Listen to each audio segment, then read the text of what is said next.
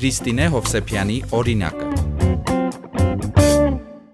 8 տարեկանս դեռ նոր էր լրացել, ամենօրին հայրիկի ընկերոջ տուն էինք գնացել, այնտեղ սենյակում երեխաներով խաղում էինք ու անկյունի վրա ոչ մեկին չէր պատկանում, ուղղակի տանում ունեին այդ գործիքը, դհոլ էր պատյանի մեջ, դհոլ էր դրված ու բավականին լավ դհոլ էր, տեսքը լավ հիշում եմ ու խաղալիքներս թողեցի ամբողջությամբ մի կողմ, գնացի դհոլը վերցրեցի, սկսեցի հարվածել ու այդ օրվանից սկսած չգիտեմ ինչը դրթեց ինձ դեպի գործիքի նկատմամբ սերը, բայց որ վերադարձանք տուն, տանը ասացի, որ ինձ անպայման պետք է տանեք դհոլի 8-ամյա աղջկա առաջին հայացքից մանկական ցանկությանը ծնողները սկզբում այդքան էլ լուրջ չեն վերաբերվում, որոշում են խաղալիք դհոլ նվիրել, բայց հետո հասկանում են, պետք է ընթառաջ գնալ նրա երազանքին։ Այսօր արդեն 21-ամյա Քրիստինե Հոբսեփյանը պատմում է, որ դհոլ նվագելու հմտությունները յուրացնելն ավելի դյուրին էր, մատներին առաջացած կոշտուկներն անտեսելն ավելի հեշտ, քան կողքից տրվող հարցերին պատասխանելը, հնչող կարծիքները լսելը, բայց դհոլի նկատմամբ սերն օգնել է հաղթահարել բոլոր դժվարությունները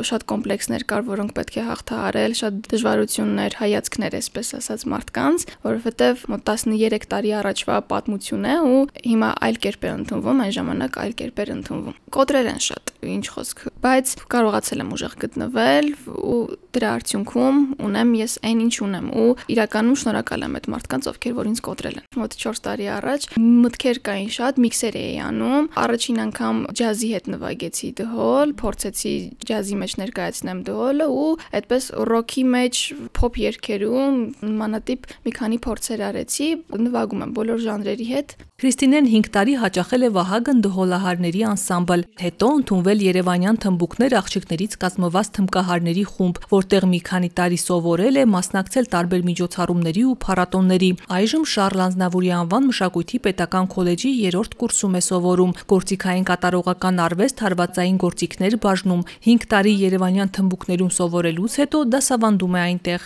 տարիքով փոքր եմ ու դա էլ շատ մեծ դժվարություններ են եղել ժամանակին 18 տարեկանից եմ սկսել եթե չեմ սխալվում 18-ից չէր լրացել որ ընդունվեցի աշխատանքի սկզբնական շրջանում դիմացի մարդկանց էր հա որ երեխային բերում են ընդունելու ինչ որ միտեղ բնականաբար պետքա մատ հետաքրքրվես ով է ուսուցիչը ու որ իմանում են 18-19 տարեկան ինչ պետք է սովորեցնի առաջին հարցը դա ինչ կրթություն ունի սկզբնական շրջանում շատ դժվար էր բայց ինձ համար մեծ ձեռքբերում է որ ընդունվում են երեխաները որը ժամանակ հետո արդեն արդյունքը տեսնելով ծնողները եւս ուրախ են լինում, որ երեխան եկել է ինձ մոտ ու դա ինձ համար շատ շատ մեծ ձեռքբերում է։ Դհոլը ճունի նոտագրություն ու դա կարծես փոխում է գործիքի հանդեպ վերաբերմունքը։ Քրիստինեն գրեթե 1 տարի աշխատել է դհոլի ձեռնարկ ստեղծելու ուղղությամբ, թմբուկի նոտաներներ վերափոխում, ադապտացնում, բայց հիմա դադարեցրել է աշխատանքները։ Ընթացքում ծրագրի մեջ երեխաները բնականաբար պետք է իմանան նոտագրություն, պետք է իմանան ինչպես պետք է կարդալ ու քանի որ դհոլը ճուներ հատուկ ծրագիր գրված, չնայած որ բոլորս գիտենք, որ iPhone դհոլահար ունի ձեռնարկ գրված արդեն, որ որով որ շատերը արդեն օգտվում են, բայց մինչև դա դհոլը ճուներ նոտագրություն ու նվագում ես առանց հասկանալու թե ինչ ես նվագում, այսինքն երբ որ քեզ ասում են նվագի 6-8 մի հատ էսպես ասած, դու նվագում ես 6-8, որովհետև գիտես այդ ռիթմի անունը այդպես է, բայց չես հասկացել թե ինչի է դա 6-8։ Հիմա ինձ մոտ դա կա որ գոնե թե սոլֆեջիոյի որոշակի տարական տեսության, հա, գիտելիքներ են, թե նաև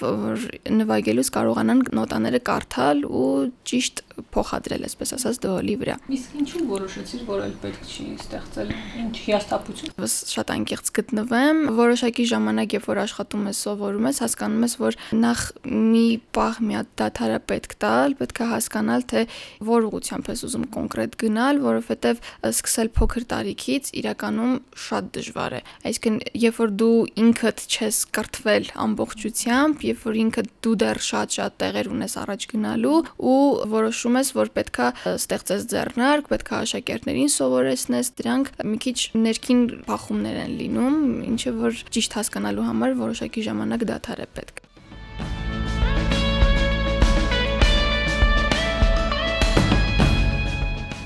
Արդեն 1 տարի է ինչ Աբովյան քաղաքում բացել է հարվածային գործիքների կենտրոն, որն ունի 20-ից ավելի սաներ 6-ից 38 տարեկան։ 5 ամիս առաջ էլ ընկերների հետ ստեղծել է Flying Soul խումբը։ Աշակերտները տարբեր են, թե աղջիկներ, թե տղաներ, տարիքային սահմանափակում, այսպես ասած, չկա 6 տարեկանից սկսում եմ մեծ աշակերտ ունեմ 38 տարեկան ու կին, որը որ մեծ դժվարությունների միջով եւս հաղթարելով այդ կարծրատիպը, որ ոնց կնայեն, որ աղջիկը դողալ են նվագում, դեմ չի գնացել դրան ու նվագել է։ Դրանից զատել ունեմ իմ ընկերների հետ հիմնած Flying Soul խումբը, երաշտական խումբը, որտեղ որ արդեն հարվածայինը ես եմ նվագում ու կան այլ գործիքներ, երկու կանոն եւ մեկ գիտար։ Այս պահին ճիշտ ասած աշխատում ենք հեղինակային մի քանի երգերի վրա, 2-3 երգ ունենք։ Հիմա դրանք ենք մշակում, որ հանդիսատեսին ներկայացնենք։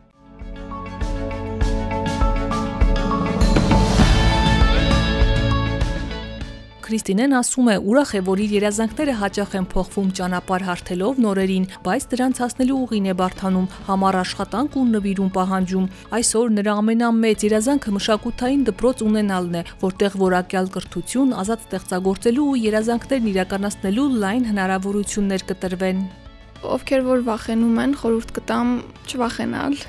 որովհետև ի վերջո մենք ունենք երազանքներ, ի վերջո կյանքը հենց հետաքրքիր է այդ երազանքների մեջ ու հետաքրքիր է հենց այդ դժվարություններով, որովհետև եթե չլինեն այդ դժվարությունները, մենք, այսպես ասած, չենք մեծանա, չենք հասկանա շատ կյանքի դասեր չենք ստանա ու եթե դու ուզում ես հասնել ինչ-որ մի բանի, ու եթե դու գիտես, որ դա լավ բան է, ինչու չանես։ Ու կողքի կարծիքները պետք է լինեն, ու այդ կողքի կարծիքներն են վատ կարծիքներ իրականում, որ դրանք են օգնում, որ դու ավելի ուժեղ ու ավելի